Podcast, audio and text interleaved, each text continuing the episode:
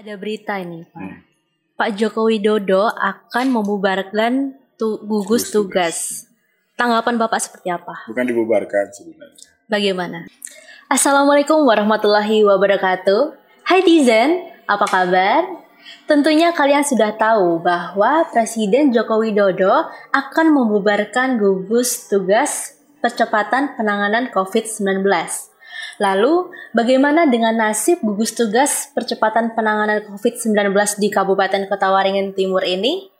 Bagaimana dengan laporan pertanggungjawaban anggaran penggunaan dana dari COVID-19? Dan bagaimana perkembangan dari kasus positif COVID-19 di Kabupaten Kota Waringin Timur ini? Bersama saya Dira, telah hadir bersama saya di obrolan Hitizen kali ini Bapak Multazam. Beliau merupakan juru bicara dari gugus tugas percepatan penanganan COVID-19 dari Kabupaten Kota Waringin Timur. Selamat datang Bapak di Hitizen. Iya, selamat bertemu kembali. Iya, apa kabar hmm. Pak? Alhamdulillah, sehat walafiat. Eh, Alhamdulillah ya Pak. Hmm. Sebelum hmm. kita ngobrol-ngobrol lebih jauh nih Pak, Siap. ini saya tanya hmm. dulu ya. Seperti apa kondisi perkembangan dari COVID-19 ini Pak di Kotim? Uh, tentunya ini terus berjalan, jadi tidak ada berhenti sedikit pun. Jadi tim gugus tugas memang sekarang dari sisi jumlah memang ada pengurangan, tetapi itu lebih kepada melakukan efisiensi pembiayaan. Karena juga Kabupaten Kota Waringin Timur selain menangani eh, COVID-19, pada saat ini juga sudah masuk siaga karhutla.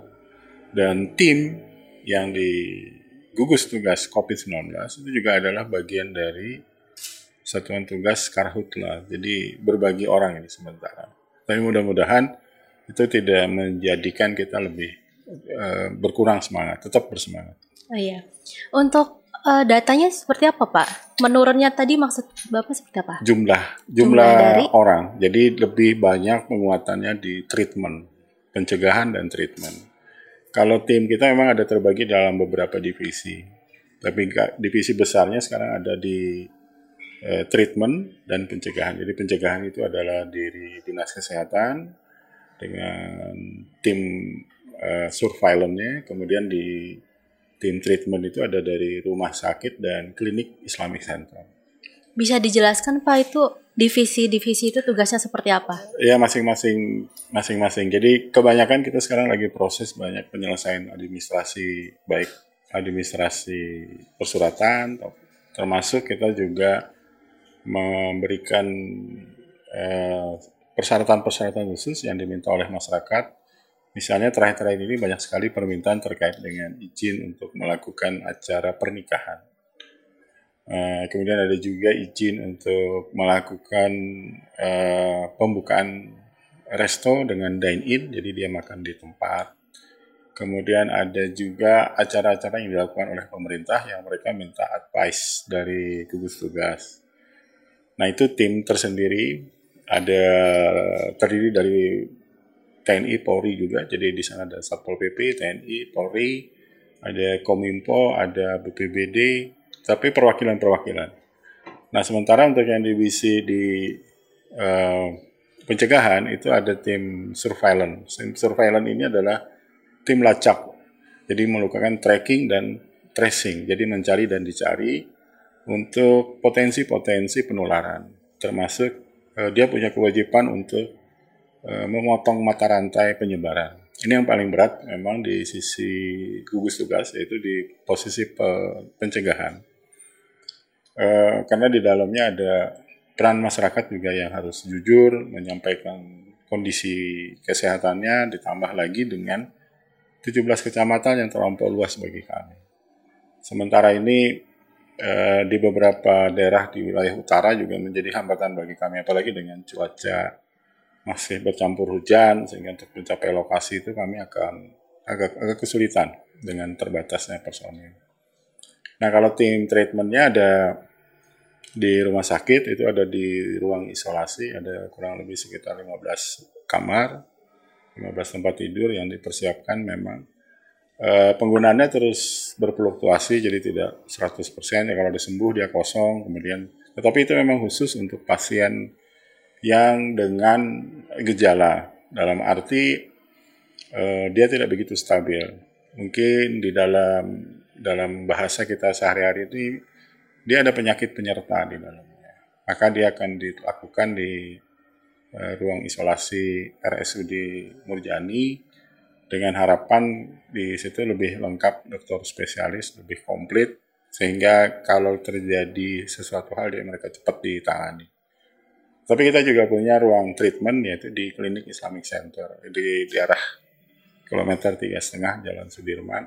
Tadinya ruang itu gedung itu adalah gedung Islamic Center memang untuk asrama yang dibangun. Tetapi pada bulan Maret itu kami Pak Bupati me, be, berdiskusi dengan banyak pihak.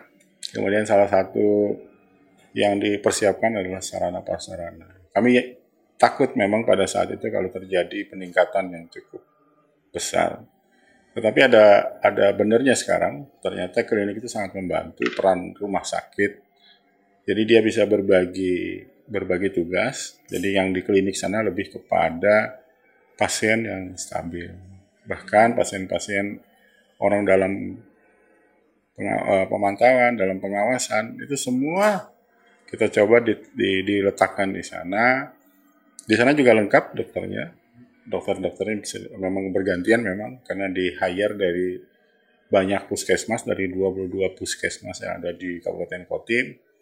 Tetapi dalam menjalankan tugas tetap diketuai oleh uh, bagian di rumah sakit, jadi dokter spesialis di rumah sakit. Itu Mbak. Jadi ada perbedaan treatment ya Pak di klinik sama di rumah sakit? Ada pasti, ada. Tapi tidak tidak menjadi itu pembeda kalau situasi tertentu. Jadi semua dokter harus diminta profesional. Jadi apa pun kondisinya, mereka dengan teknologi sekarang ya, jadi tidak ada kesulitan untuk berkomunikasi antar dokter. Bahkan dokter sekarang bisa melakukan kegiatan video call dengan sesama dokter atau sesama pasien. Dia bisa tanpa bertemu pun mereka bisa saling diskusi. Jadi bagi kami eh, teknologi informasi sangat sekali membantu dalam proses eh, treatment di COVID-19 ini. Koordinasi antara tim hmm. treatment dengan tim surveillance itu menggunakan kalau pertemuan atau seperti apa? Surveillance lebih lebih kepada penyajian data nih. Jadi data itu disajikan, kemudian eh, yang terdiri dari beberapa komponen di dalamnya kemudian mengolah data tersebut. Nah, data tersebut tentunya harus reaksi cepat ya. Jadi kalau kemudian contoh nih satu orang pasien eh, pada saat itu dia masih ODP, PDP naik kemudian menjadi pasien positif.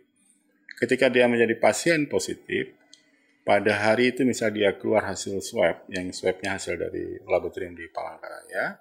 Nah pada saat itu juga jam berapapun tim surveillance harus berangkat menuju ke titik di mana dia bertempat tinggal atau di mana informasi yang menyatakan bahwa dia kontak erat dengan siapa saja.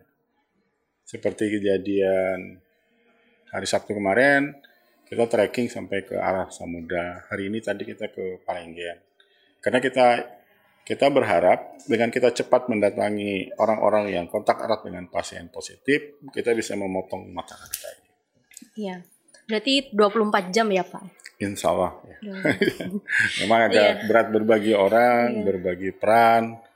Tentunya sarana prasarana juga harus. Dan terutama kami berharap tim ini juga tidak boleh ceroboh. Yeah. Karena dia berhadapan dengan penyakit yang tidak nampak. Jadi ketika dia belum berangkat, bekalnya banget banyak.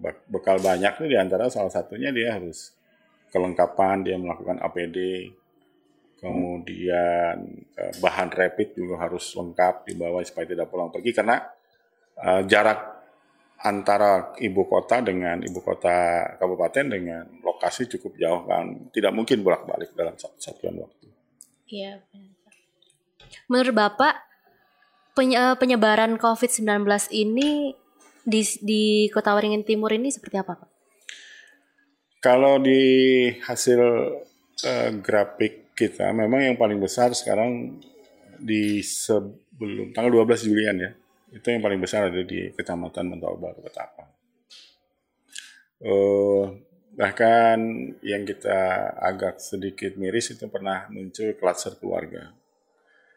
Nah, disusul sekarang di posisi terakhir, ini sekarang di premian. Klasternya juga keluarga. Keluarga ini maksud saya begini, bergantian masuknya. Jadi tadi anaknya, ibunya, dia pulang, bapaknya ternyata masuk. Terkena. Ya. Nah, kemudian di sekelilingnya banyak orang kan, karena dia tidak mungkin tidak berinteraksi. Namanya manusia ini tidak bisa kita tahan. Eh, kamu diem. Oke, dia sepakat pada hari ini jam ini tapi satu jam kemudian dia bilang, ah ngapain aku di rumah.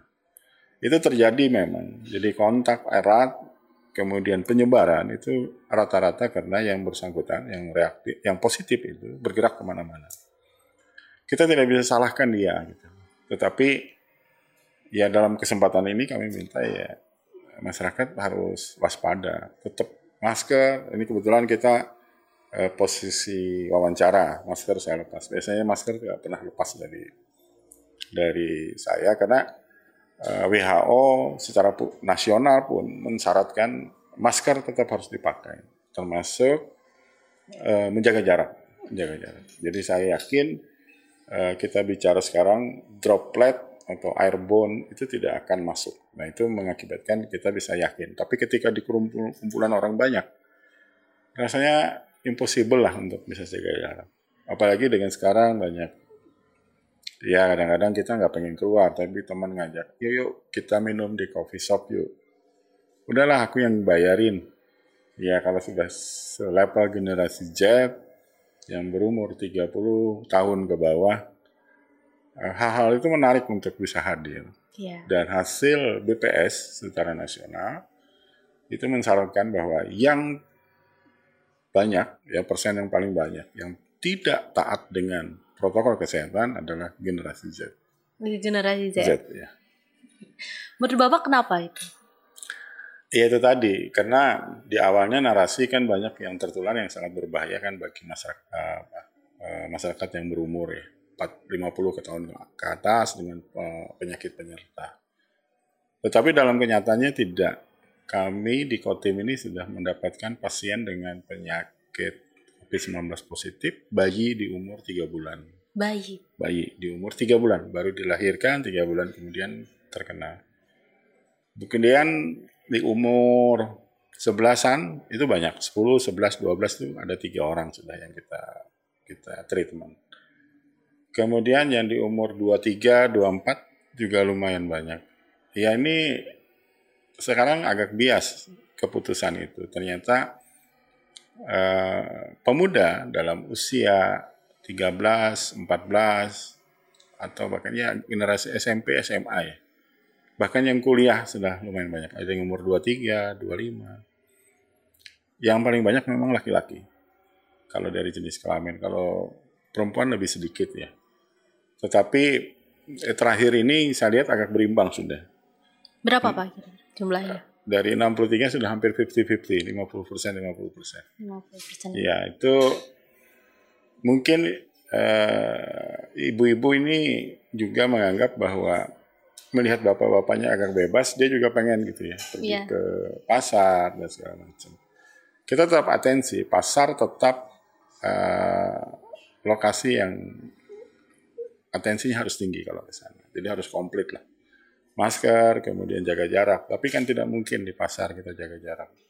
Tapi paling tidak ketika balik dari pasar, sebelum masuk mobil mungkin, ya pakailah hand sanitizer. Kalau cuci tangan mungkin susah ya, tapi paling tidak hand sanitizer. Sampai di rumah cepat ganti pakaian, mandi, kemudian baru uh, beraktivitas lagi. Tadi terkait dengan pasar, pasar, mall, tempat keramaian itu hmm. bagaimana gugus tugas untuk melakukan pengawasan tersebut? Uh, kita begini ya, kalau kita bicara pengawasan sama seperti uh, penggunaan helm. Helm itu dipakai sejak awal untuk diaktifkan itu bagi masyarakatnya biasa-biasa saja. Kalau ada polisi baru pakai. Kalau nggak ada ya udah. Oh cuman sebentar kok Pak, cuman ke warung makan depan, hmm. cuman beli pecel lele misalnya. Balik. Tapi kan di dalamnya kan ada risiko, sama dengan kejadian ini. Nah, untuk me melakukan proses percepatan masyarakat untuk disiplin, gugus tugas itu sudah luar biasa. Masker itu udah ratusan ribu dilempar ke pasar, ke semua tempat umum termasuk kita mencoba membrigade pasar. Jadi kita kasih baris pembatas, kemudian kami treatment Apabila masyarakat tidak menggunakan masker, kembali ke rumah untuk kemudian melengkapi baru bisa masuk pasar. Tetapi itu tidak terjadi. Ketika teman-teman hilang ya bebas lagi bebas gitu, lagi. bebas lagi. Um, mungkin dalam narasi kami biasanya di juru bicara kami pengen ya ini ini ini proses penyadaran kesadaran kesadaran dari masyarakat. Kesadaran Kesehatan tuh mahal. Memang sekarang nggak mahal gitu. Tapi kalau udah sakit Ya, kalau udah sakit nih kena COVID nih, dijenguk nggak bisa. Ya. Terus selama beberapa hari, bahkan ada yang paling panjang 100 hari itu tanpa dijenguk oleh keluarga. Tidak bisa dijenguk. Yang jenguk cuma suster juga nggak kelihatan. Atau dijenguk oleh dokter juga nggak kelihatan. Maksudnya mereka pakai full APD. Itu menandakan bahwa mahal kesehatan di COVID ini mahal. Belum kita mentreatment dia. Itu biayanya juga lumayan besar. Karena bukan hanya obat yang diberi, makanan juga harus diatur. Kemudian eh, perawatan, pengecekan, seluruh komponen yang dicek itu seperti swab itu bisa tiga hari sekali mereka diambil sampel. Mengirim sampel ke Palangkaraya, kemudian kembali lagi. Ya udah macam-macam tuh, termasuk menggaji perawat, menggaji dokter, hanya untuk mengatasi COVID beberapa orang. Nah kalau ini kemudian sadar masyarakat bahwa oh ya aku sadar aku nggak pengen jadi punya penyakit ini nih atau pengen sehat lah semuanya utuh ya harusnya itu kan tidak perlu di disuruh ya. Harusnya. Ya, harusnya ya. Itu sudah menjadi kewajiban menjadi kesadaran.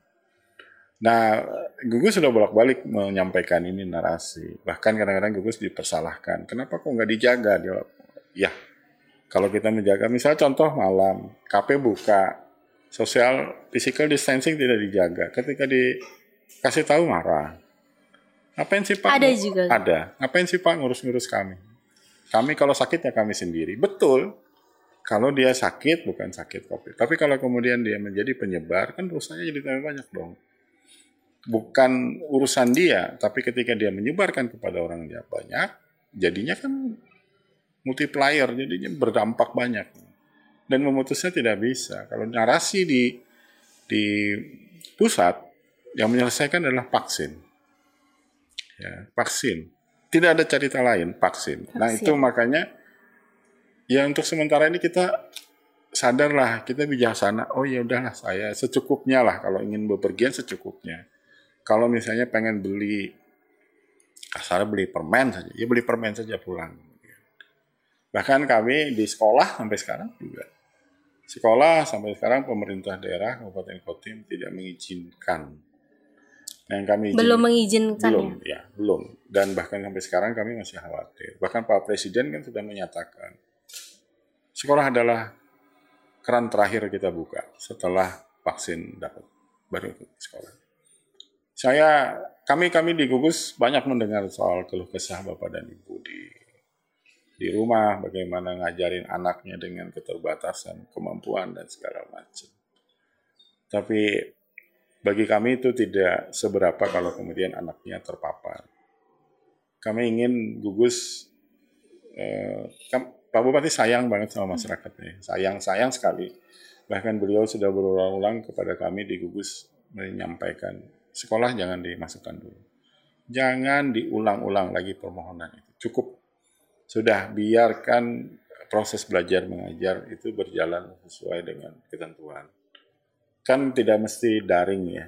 Jadi dia juga bisa mendapatkan buku yang dibagikan oleh gurunya, yang kemudian di belajar. Buktinya banyak sih. Kalau orang belajar sebenarnya harusnya lebih kreatif dong ya belajar yeah. di iya. rumah ya. Kalau kalau kemudian belajar di rumah itu harus diarahkan bukan main game ya. Iya, karena iya, karena biasanya kalau main di rumah kemudian besarnya main game, belajarnya sedikit. Fasilitas banyak, teknologi informasi banyak. Memang di dalamnya memerlukan biaya. Tapi sekolah biasa juga menggunakan biaya gitu. Sama saja. Bagi bagi kami, bagi gugus tugas memang berat, tetapi ini tidak ada pilihan. Anak didik dari mulai SD sampai SMP karena kewenangannya ada di kami, itu sampai sekarang belum kami buka. Ada beberapa sekolah terkait dengan keagamaan, pesantren, itu ada yang disilahkan buka karena dia uh, mengcover uh, apa istilahnya mereka berasrama ya, jadi tidak iya. pulang yeah. pergi, beda dengan sekolah yang biasa. Itu ada juga. Jadi persyaratan sebelum buka pesantren atau sekolah boarding itu dia melakukan rapid test lebih awal supaya gurunya juga melakukan hal yang sama supaya tidak saling salah menyalahkan nanti iya. ketika masuk duh kok ada yang positif positif siapa nih tanggung jawab nih uh, saling menyalahkan nah, kalau dengan sudah melakukan proses uh, bumper di depan mudah-mudahan itu tidak terjadi iya. terkait protokol kesehatan pak hmm. itu apa saja yang harus dilakukan masyarakat sebenarnya sebentar pak ya. dijawabnya setelah yang satu okay. ini iya, Baik Pak, kita lanjutkan iya. tadi. Ya. Bagaimana protokol kesehatan masyarakat untuk penanganan COVID-19 ini Pak?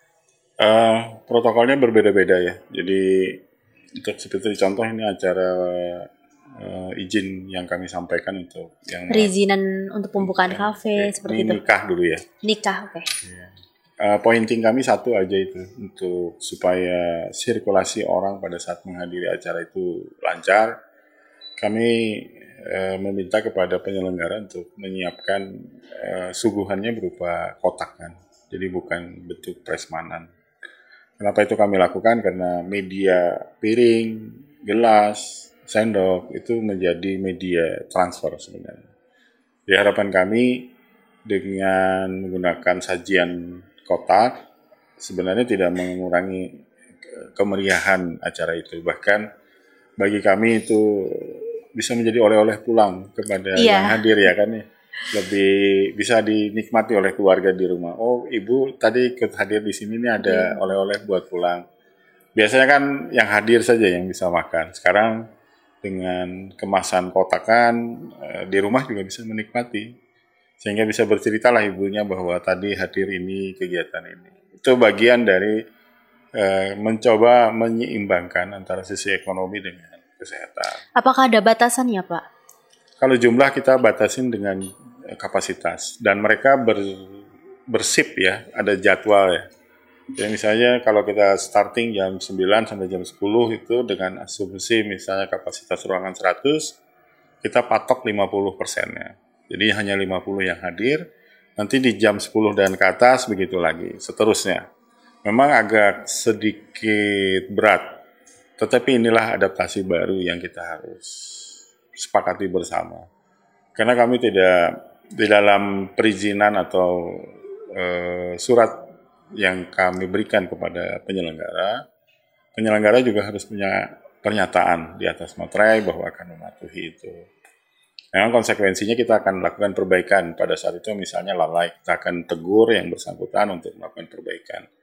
Yang paling terburuk adalah dibubarkan. Kan Nggak lucu dong kalau kemudian setelah dibuka di keran ekonominya kemudian dibubarkan. Kami tidak ingin melakukan itu.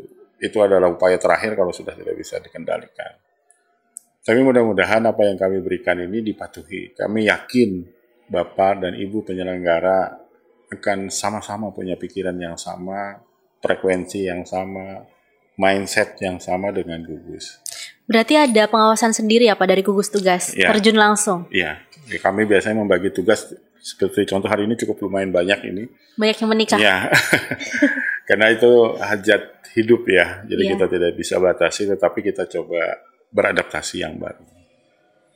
Oke, hmm. untuk perizinan pembukaan mall, kafe? Itu bertahap. Ya. Jadi kafe itu sebenarnya tidak boleh kami berikan ruang untuk eh, live musik sebenarnya, belum. Karena live musik itu bagi kami membuat manusia kemudian bergerak. Satu, yang kedua kemudian uh, mic akan dipegang bergantian. Nah kalau itu kemudian tidak dijalankan uh, protokol kesehatan, misalnya mic ganggangnya pasti kepegang semua kan ya. Yeah. Karena kita tidak yakin, karena yang menyanyi itu kalau memang itu petugas penyanyi is no problem, tapi ketika dia mengundang yang hadir ikut bernyanyi, nah ketika itulah terjadi. Karena droplet, ya masuk di daerah sekitar. Hmm. Karena saya pernah datang di salah satu kafe hmm. di sini, itu ada live music, Pak. Ya. Itu seperti apa tanggapan dari Sekarang kami lakukan bijaksana. Ya, bijaksana. Bijaksana begini. Penyelenggaranya, pemilik KP-nya yang bijaksana. Saya rasa tidak ingin dong KP yang kemudian di diberi tanda bahwa dia tidak patuh dengan COVID. Nah ini upaya kami lagi untuk lebih lebih humanis untuk melakukan pendekatan ada kejadian memang itu iya. lepas pantau kami, tetapi pada keesokan harinya uh, kami tegur keras ya bahwa ya, itu tidak boleh dilakukan. Kalau sementara ini jangan dulu lah, sabar gitu ya, sabar, sabar. sabar. kita harapannya begitu. Iya, saya juga pernah lihat sih, hmm. gugus tugas juga malam-malam hmm. sering datang ke kafe untuk menertibkan ya mungkin ya iya, Pak. Mengingatkan. Mengingatkan. Itu seperti apa Pak? Mengingatkannya seperti apa? Ya kita coba sounding ke mas ke penyelenggara ke pemilik lokasi untuk bisa membantu kami. Tetapi ya tentu tidak bisa semudah apa yang kita eh, lakukan atau kita lihat contoh di beberapa daerah lain. Eh, kami tetap menggunakan kata-kata bijaksana tadi. Kalau kami, eh, kalau pemilik usaha sudah dibolehkan berusaha, tolong bagian ini untuk ditahan, tahan dulu gitu ya. Bahkan ada memang kita tidak menyentuh marah gitu tidak, tetapi kami pengen dia bijaksana. Ketika kemudian anak saudara dia kemudian menjadi tertular, terus yang disalahkan siapa kan tidak ada nih. Iya. Nah kita nggak ingin sarana prasarana kita tidak cukup untuk menangani itu. Iya. Hmm. Untuk protokol kesehatan sendiri di pasar? Pasar sudah kita lakukan.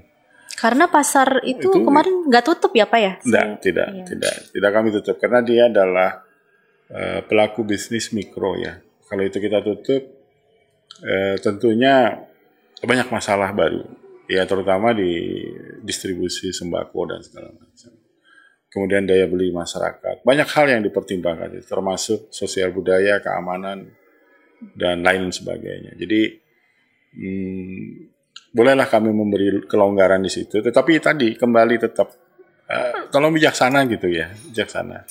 Tapi rata-rata mereka memang pada awalnya keberat, tapi setelah kita coba lakukan pendekatan humanis terus, ya alhamdulillah sudah mulai membaik, tapi tidak 100% paling banyak itu 70 sampai 80 persen yang tertib selebihnya karena tidak semua yang hadir di pasar itu masyarakat Kotim.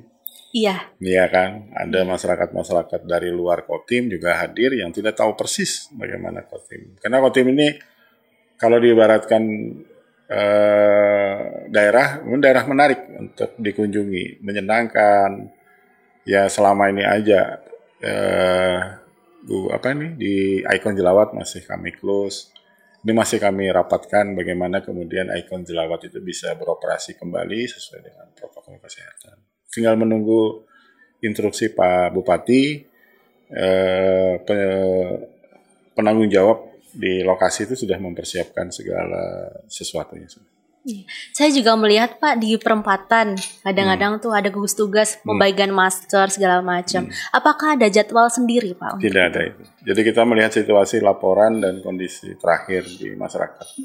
Kalau itu terjadi penurunan dalam disiplin ya kita akan turun kembali. Tidak bosan-bosannya. Harus tidak boleh bosan. Dan itu ya. termasuk spirit di gugus yang kami yang di disampaikan dulu kepada uh, personel yang di gugus jadi setiap hari gugus itu apel pagi, kemudian di apel pagi itu uh, kita melihat perkembangan sebelumnya. Evaluasi. Lalu, evaluasi, kemudian kita lakukan. Oh, hari ini dadakan itu. Kita hari ini berada di sini.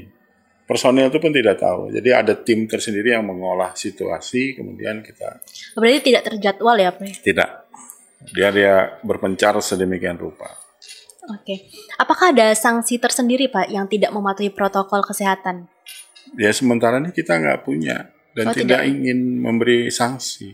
Karena ada di gugus COVID, gugus tugas COVID di lain daerah. Di lain daerah ada yang menerapkan sanksi. Ya, seperti DKI itu tadi sore saya dengar dia sudah mendapatkan penghasilan 1,3 miliar dari sanksi. Ya. Uh, kondisi masyarakat sudah sulit gitu ya. Nah kalau kemudian kita punishment dengan berbentuk uang apa tidak menjadi masalah baru. Ini juga jadi kendala. Makanya kami senang sekali kemudian ada beberapa komunitas yang melibatkan diri untuk membantu masyarakat yang berkebutuhan terbatas, kemudian dengan daya upaya mereka bisa meyakinkan kepada warga atau masyarakat yang mampu untuk berbagi. Ya banyak banyak komunitas yang bisa melakukan itu. Dan e, pemerintah sendiri sebenarnya juga membantu, tetapi e, alang lebih elok lagi, lebih cantik lagi memang kalau sesama masyarakat saling menopang. Yeah. Dan itu itu kan bisa kita lihat dalam beberapa aktivitas yang di media sosial yang mereka lakukan. Jadi tidak ada sanksi untuk tidak ada. masyarakat ya, tidak ya Pak. Terkait koordinasi ke instansi-instansi lain. Lain. Itu ya. banyak hampir tiap hari. Hampir tiap hari. Hampir tiap hari. Ya kalau saya ada gugus itu saya kadang-kadang nggak bisa. ya luar biasa. Ada ya banyak macam-macam yeah. macam-macam mulai dari mengeluh mulai dari kemudian memberi spirit ada yang marah-marah semua harus kita hadapi tapi uh, kami salut dengan masyarakat di Kotim mereka uh, appreciate dengan kerja gugus dan uh, terima kasih selama ini karena masyarakat sudah sudah banyak membantu gugus dalam rangka kita menanggulangi bencana ini jadi koordinasinya dalam bentuk apa, Pak? Bisa rapat, bisa diskusi diskusi hebat. Yang penting jangan lempar kursi aja lah. ya. ya, semua orang punya punya pikiran ya kan. Ya, ya. Rambut boleh sama hitam tapi pikiran berbeda-beda. Tetapi kami salut juga dengan beberapa komunitas yang sebenarnya dia pengen banyak, tapi banyak banyak berkiprah gitu.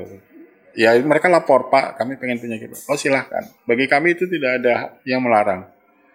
Nah termasuk kemudian ada juga Pak kenapa keluarga kami misalnya kok begini penanganannya? Kita jelaskan. Mungkin pemahamannya berbeda-beda karena informasi yang bertebaran di luar ini macam-macam ya. ada yang memang di setting memang untuk melakukan perlawanan ada yang di setting memang untuk menerima itu Mbak Iya. Terkait PSBB nih, Pak. Hmm. Di Kotem sendiri tidak menerapkan kan, Hmm. Itu kenapa? Itu tadi salah satu. Kalau sudah PSBB berat, berat, berat dari sisi ekonomi. Bahkan eh, apa yang kita lakukan di awal COVID, kita sudah masuk PSBB. Pada saat bulan puasa kami monitoring selama 30 hari itu, hampir 20 3 21 hari itu masyarakat nggak pernah keluar. Terakhir saja, mungkin karena mau dekat lebaran, perlu baju buat anak, pengen makan kue khas Kotim, lalu itu agak kurang terkendali kami monitor. Tapi eh, PSBB itu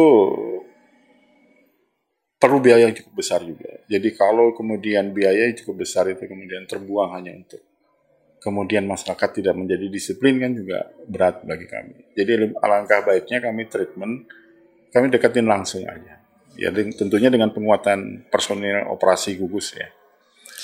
Tadi disebutkan bahwa PSBW diperlukan biaya yang cukup besar. Hmm. Itu biaya untuk apa aja sih? Oh, itu biaya personal personal personilnya lumayan besar itu. Karena dia harus bekerja satu kali 24 jam.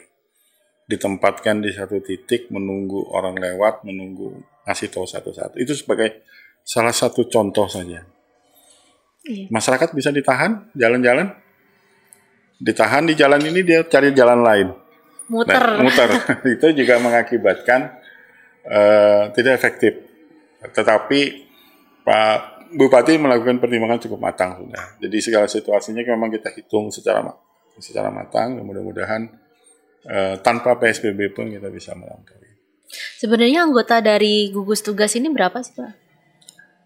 Kalau operasi lapangannya itu sekitar kurang lebih sekitar 50-an orang.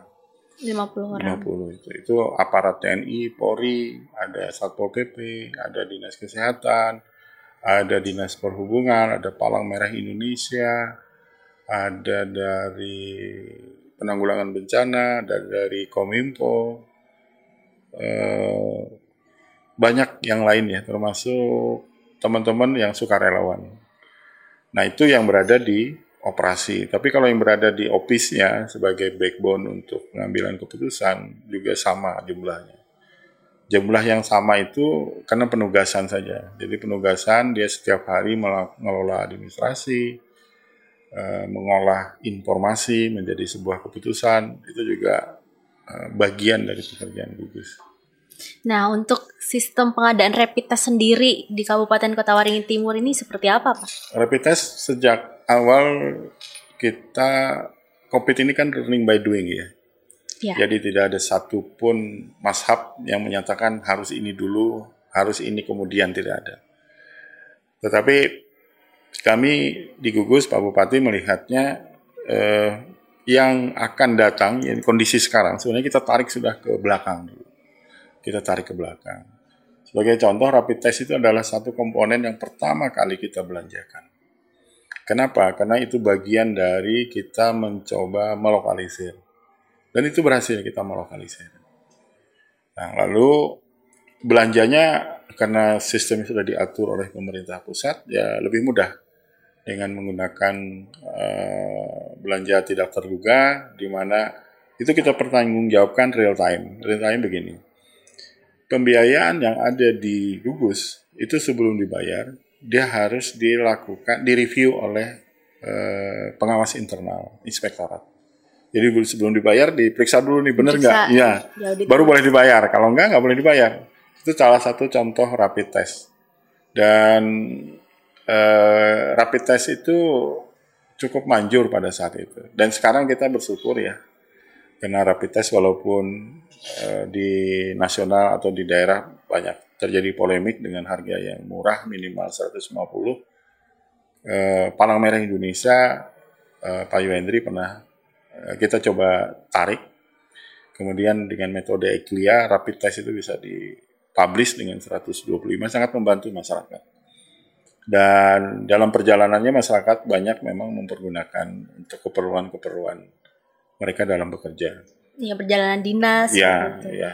Dan bahkan eh, para masyarakat dari luar dari penduduk Jawa yang kemudian pengen pulang dulu Lebaran Idul Fitri nggak bisa pulang bisa sekarang. Pulang. Mereka sudah bisa banyak pulang. Walaupun dari sekian banyak di rapid ada juga yang reaktif. Bahkan kemarin ada satu yang sudah positif. Sekarang sedang proses treatment di klinik Islamic Center. Terkait anggaran nih Pak, saya menyinggung sedikit aja. Hmm. Anggaran yang diberikan pemerintah untuk gugus tugas COVID-19 di Kabupaten hmm. Kota Waringin Timur ini sekitar berapa? Kita disediakan hampir 60 miliar. Disediakan. Disediakan. Disediakan, tapi tidak habis. Tidak habis. Tidak habis. Telah habis berapa? Saya nggak begitu hafal ya. Paling tidak sampai 50 persen masih. Itu alokasinya untuk apa saja, Pak? Untuk rapid test, untuk operasional. Kita perbaikan klinik ya. Jadi klinik itu dulu adalah opsi kedua setelah rapid. Kita perlu persiapan apa lagi? Kita segera membangun klinik backup rumah sakit, ruang isolasi. Karena penduduk kita adalah penduduk terbanyak di Kalimantan Tengah, 446 juta, 446 ribu orang. Nah di situ kita uh, bukan pengen punya pasien banyak ya, tetapi kami khawatir kalau terjadi ledakan jumlah yang positif.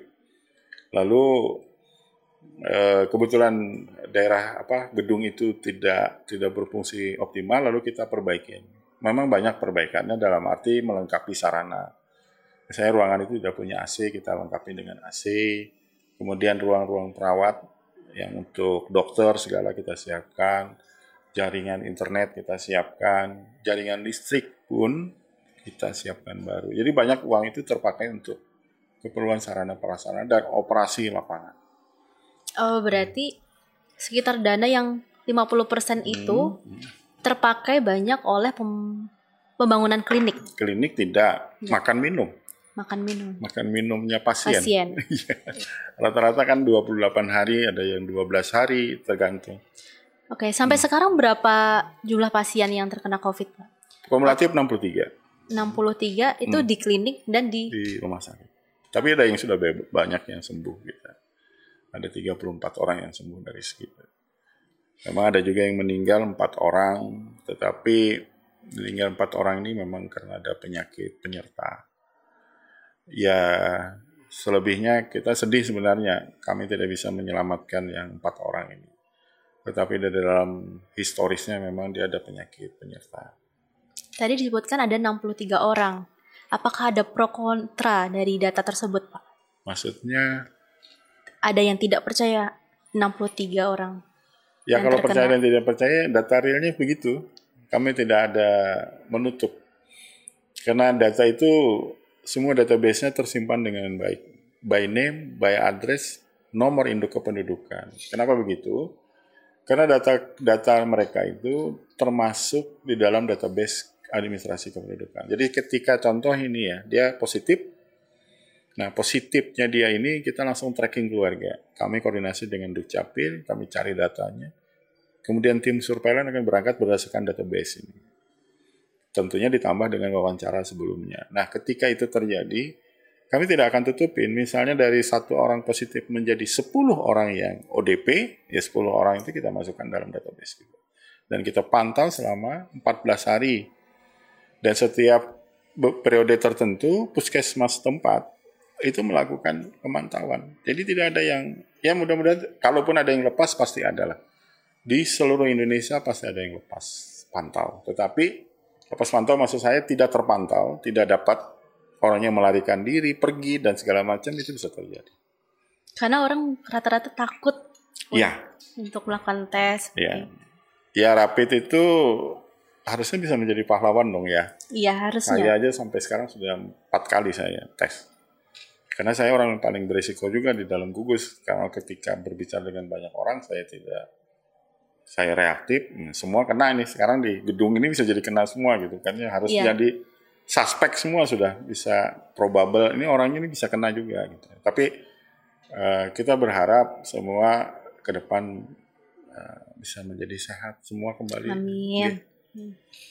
Oke, okay, kemudian uh, prosedur tracing yang telah dilakukan oleh gugus tugas ini seperti apa? Kita ada yang berjadwal, ada yang eh, sporadis ya. Jadi kalau kita berjadwal itu seperti contoh di pasar, beberapa pasar di Kautim dan eh, kecamatan besar kita lakukan penjadwalan dengan target antara 200 rata-rata sampai yang paling besar itu ada sekitar 250 sekali rapid.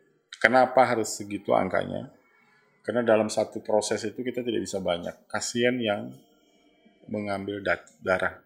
Oh iya. Itu juga harus waktu ya. Itu ada jadwal. Kira-kira jadwalnya kapan aja? Kami jadwalnya tidak melihat. Kami melihat kondisi existing masyarakat. Ketika kami curigai, kami akan lakukan tracking. Jadi oh. berdasarkan data yang tersaji sebelumnya, kemudian ini terus nih, continue kita. Ya kemarin anak sekolah kita bantu untuk rapid sebenarnya sembari itu kita juga akan memotret sebenarnya santri yang bepergian ke Pulau Jawa atau santri yang berpulang ke Banjarmasin itu seberapa persen sih dia akan menjadi penularan. Kita tidak ingin masyarakat kita pergi ke pondok pesantren belajar kemudian dia di sana menjadi reaktif atau kemudian menjadi positif. Kasihan kan? Karena orang tuanya pasti akan gelisah, pasti akan gelisah karena yeah. yang iya. berangkat tuh berumur paling 12 13 tahun. Lulus SD masuk pondok pesantren. Yang kuliah pun juga kami lakukan itu yang di Pulau Jawa. Bahkan database-nya itu kurang lebih sekitar seribuan lebih di Luar banyak sekali. Banyak sekali. Banyak, banyak. Saya nggak menyangka bahwa ternyata eh, anak muda di Kotim ini banyak yang belajar menjadi pondok pesantren, ada yang mahasiswa, ada yang kuliah, ya, ada yang kuliah, ada yang kuliah sekolah. Itu rata-rata kalau di database kami kurang lebih sekitar seribuan lebih itu. Banyak sekali. Banyak, banyak. Untuk pondok pesantren sendiri nih Pak, hmm. itu berarti gugus tugas juga mengawasi karena asrama. Ya, berasrama tentunya kita berharap uh, pengasuh ya yang melakukan itu. Tetapi kita memberikan uh, persyaratan berminta kepada mereka untuk supaya tidak terjadi penularan. Uh, kita ingin siswa yang masuk di asrama itu dalam kondisi clear sudah. Nah, kalaupun terjadi penularan ya ya itu memang kehendaknya ya, tapi iya. kita paling tidak sudah berikhtiar lah, berikhtiar. Ya. Bagaimana tanggapan Bapak terkait hmm. pro kontra pembukaan sekolah? Tunggu sebentar Pak, hmm. jawabnya setelah yang satu ini. Siap. Oke, kita lanjutkan lagi ya, ya Pak ya. Baik. Terkait pro kontra sekolah belum dibuka. Iya. Itu rekomendasi dari gugus tugas atau kebijakan dari mana Pak? Kalau perintah Pak Presiden jelas, sekolah adalah keran terakhir dibuka dalam masa pandemi ini.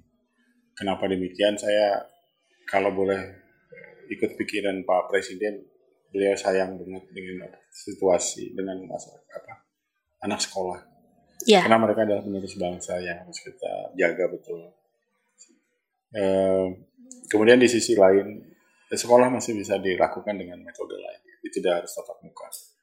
Tapi memang eh, energinya berbeda memang. Tetapi itu tidak kemudian menurunkan semangat baik penyelenggara maupun anak didik.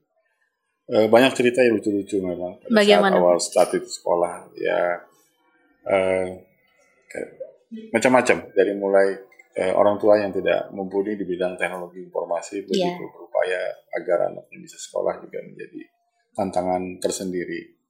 Tetapi kami menghimbau kepada seluruh masyarakat Kotif jangan jangan jangan lemah, jangan kemudian merasa itu sebagai hambatan, tapi itu jadi sebagai eh, batu loncatan agar kita bisa menjadi lebih baik. Kenapa demikian? Karena situasi situasi ini memberi pelajaran kepada kita nanti pada suatu saat. Eh, proses belajar mengajar itu akan terus modelnya seperti ini. Jadi belajar itu tidak mesti harus dengan bertatap muka, tetapi juga belajar dari dunia lain itu juga menjadi bagian kita berinteraksi dengan teknologi informasi.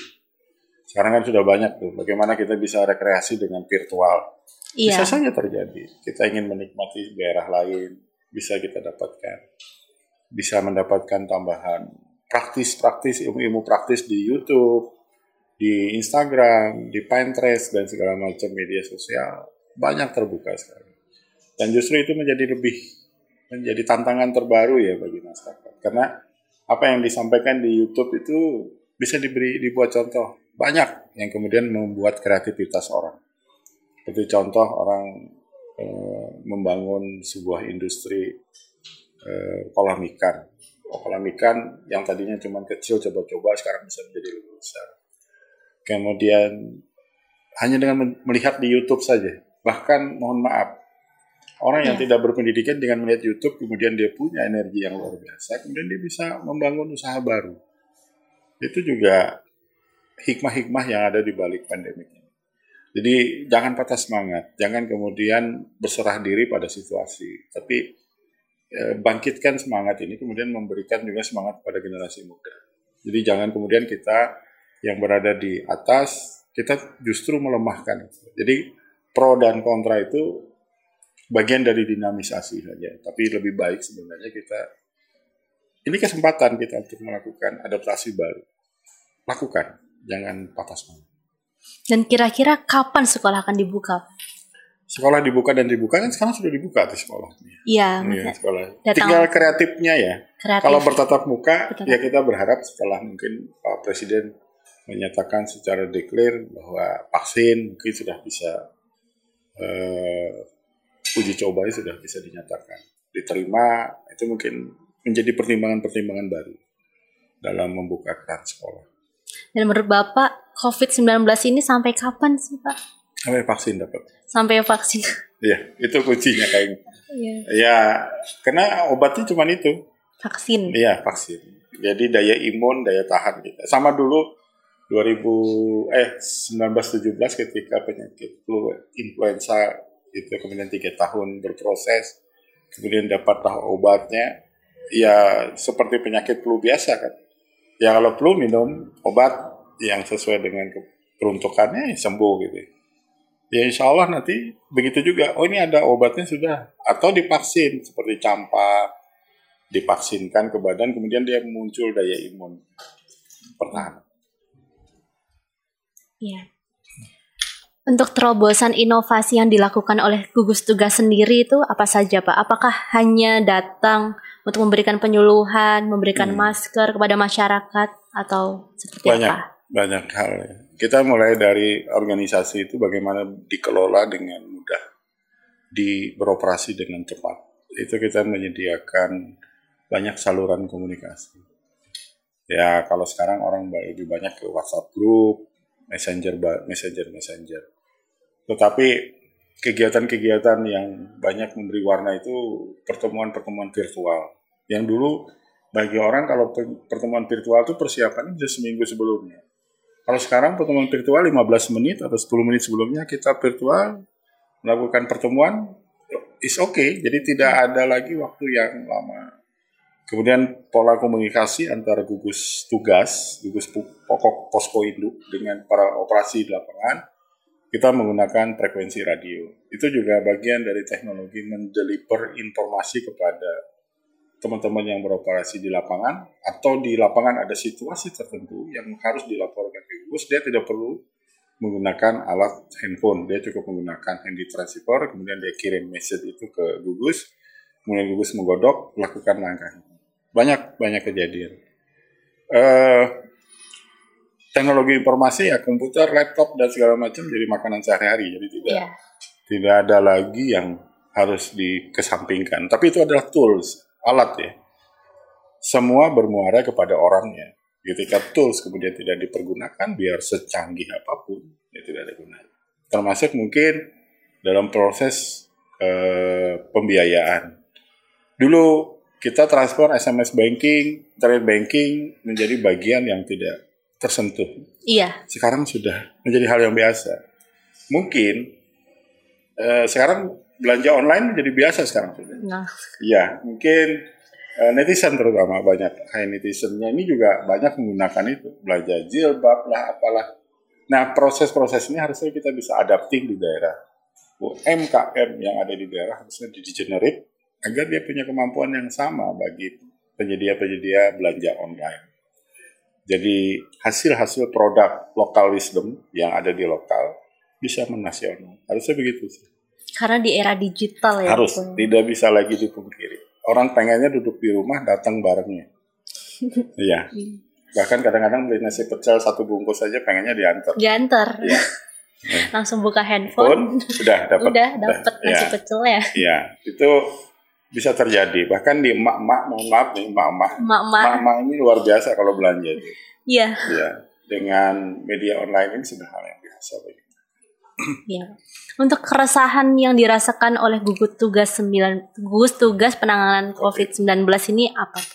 Resahnya yang nggak dapat dapat vaksinnya ini. kami Gimana? sebenarnya spirit kami tetap ya.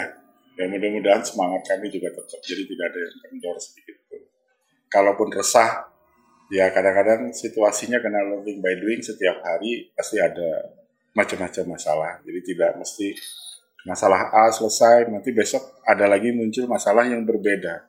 Nah, kekhawatiran-kekhawatiran kita itu biasanya pada decision making, mengambil keputusan yang tepat.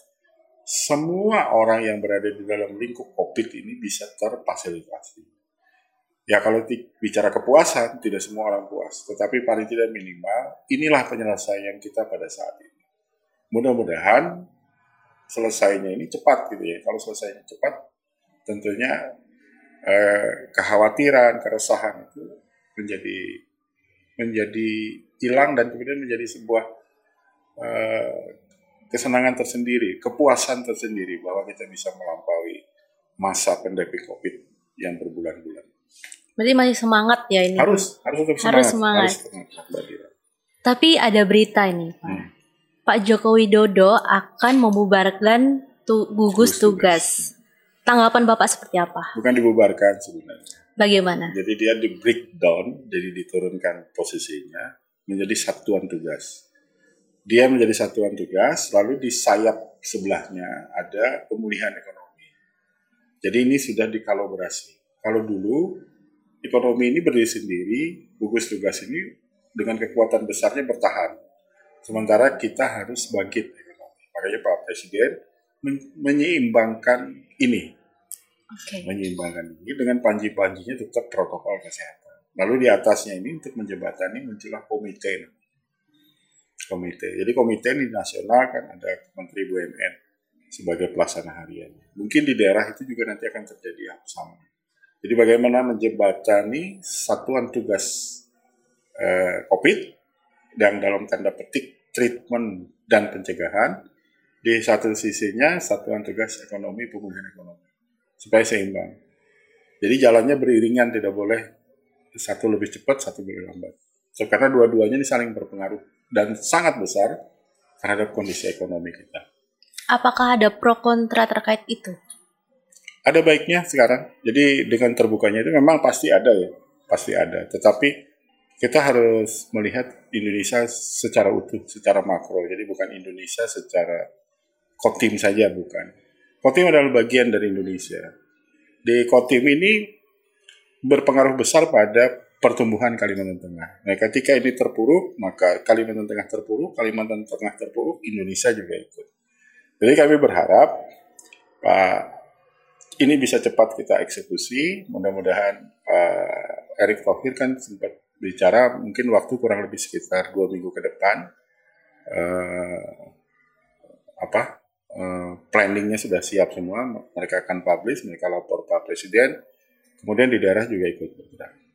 Berarti di daerah sudah ada musyawarah tersendiri atau? Kalau itu kami sudah siap, pasti sudah akan siap. arahnya ke sini, arahnya ke sini. Tetapi tentu perintahnya pasti gini, akan menyesuaikan daerah masing-masing, zona merahnya mana. Nah ini pentingnya masyarakat Kotim. Kalau masyarakat Kotim ikut bersama-sama menangani COVID dengan bijaksana, tentunya kita bisa mengikuti pemulihan ekonomi juga dengan baik gitu. Makanya kami berharap pemilik usaha apa pun itu bijaksana dengan kondisi COVID. Jangan kemudian ini aku harus jatahnya sekarang adalah ekonomi yang naik, bukan. Ekonomi boleh bangkit, tapi kesehatan juga harus harus, di, harus diperhitungkan. Jadi jangan ceroboh, jangan sembrono, karena duanya saling berpengaruh. Jadi akan bekerja lebih keras ya, lagi. Bekerja secara paralel, secara fast track, secara serempak. Jadi tidak boleh bekerja parsial. Menghadapi new normal, hmm. apa peran dari gugus tugas ini, Pak? New normal itu sebenarnya kalau bahasa Indonesia-nya kita lebih kepada kebiasaan baru. Ya. Yang tadinya kita kalau habis beraktivitas jarang cuci tangan, sekarang kalau kebiasaan baru, ya habis setiap beraktivitas cuci tangan atau menggunakan hand sanitizer. Itu salah satu contoh. Kita kita keluar rumah, pakailah masker, pakai masker. Kalau bisa masker tuh di mobil ada ada, di sepeda motor juga standby. Kemudian mau pintu keluar rumah itu ditulisin besar-besar. Ingat sebelum keluar pakai masker. Kenapa? Iya. Karena kita orang Indonesia dan terutama manusia itu kata-katanya paling gampang ketika ditanya oleh penegak hukum apa? Lupa. Contoh banyak. Ini kenapa nggak pakai helm? Lupa pak. Lupa. Hmm. Dan itu adalah harga mati biasanya. Kalau sudah lupa itu manusiawi dia. Iya. Tetapi kan jangan kemudian kealpaan itu kemudian menjadi masalah baru bagi dia dan masalah orang sekitar. Nah harapan kami itu tadi. Jadi eh, adaptasi baru. Buk, eh, new normal adalah hidup baru tapi berada ber, ada perubahan-perubahan di dalamnya. Menjaga jarak itu bukan kemudian tidak boleh berdekatan. Tetap komunikasi tetap jalan. Tetap bisa menggunakan tidak ketemu by phone, video call boleh sekarang. Kan tidak mesti harus kemudian jaga jarak. Aku nggak boleh ke rumahnya dong. Enggak lah. Selama protokol kesehatannya dipenuhi enggak lah. Aku datang ke rumah ya, tapi aku udah pakai masker. Kalau perlu paling takut-takut banget pakai visit face yeah, pakai masker ya. Yeah. Kemudian aku udah cuci tangan, kita nggak usah ini ya bahasa isyarat saja misalnya. Udah bagian dari itu adalah bagian dari kita waspada, kita bagian dari kesadaran kita bahwa kesehatan itu mahal harganya. Di new normal ini apakah ada jam malam, Pak? Di tidak, tidak perlu jam malam. Tetapi ya tadi itu bijaksana. Bijaksana. Bijaksana. Jangan kemudian dikasih nggak dikasih jam malam terus tutupnya jam 3, jam 4 subuh. Terus ngapain? Waktunya iya. terbuang, waktu produktifnya terbuang. Harusnya jam istirahat tapi malah tidak tidur, balapan liar seperti kejadian kemarin. Kemudian tabrakan, menyusahkan orang. Iya. Sebelum saya tutup hmm. acara ini, Pak, ada yang mungkin disampaikan himbauan kepada masyarakat? Kepada... Satu saja ini. Kami berharap masyarakat menghadapi COVID-19 ini bijaksana. Kemudian terapkanlah protokol kesehatan dengan kesadaran masing-masing. Ya. Saya rasa itu kemudian kita bisa uh, melampaui masa pandemi COVID. Ya. Terima kasih banyak Sama-sama. Bapak Sama-sama telah juga. hadir di Ya. Haitizen. Semoga kita dapat bertemu kembali di lain Ya. waktu.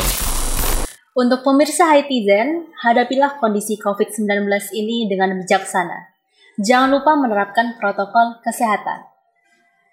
Banyak hal yang telah disampaikan, tapi karena waktu membatasi kita, maka sampai jumpa di episode selanjutnya. Saya Dira pamit undur diri dan wassalamualaikum warahmatullahi wabarakatuh.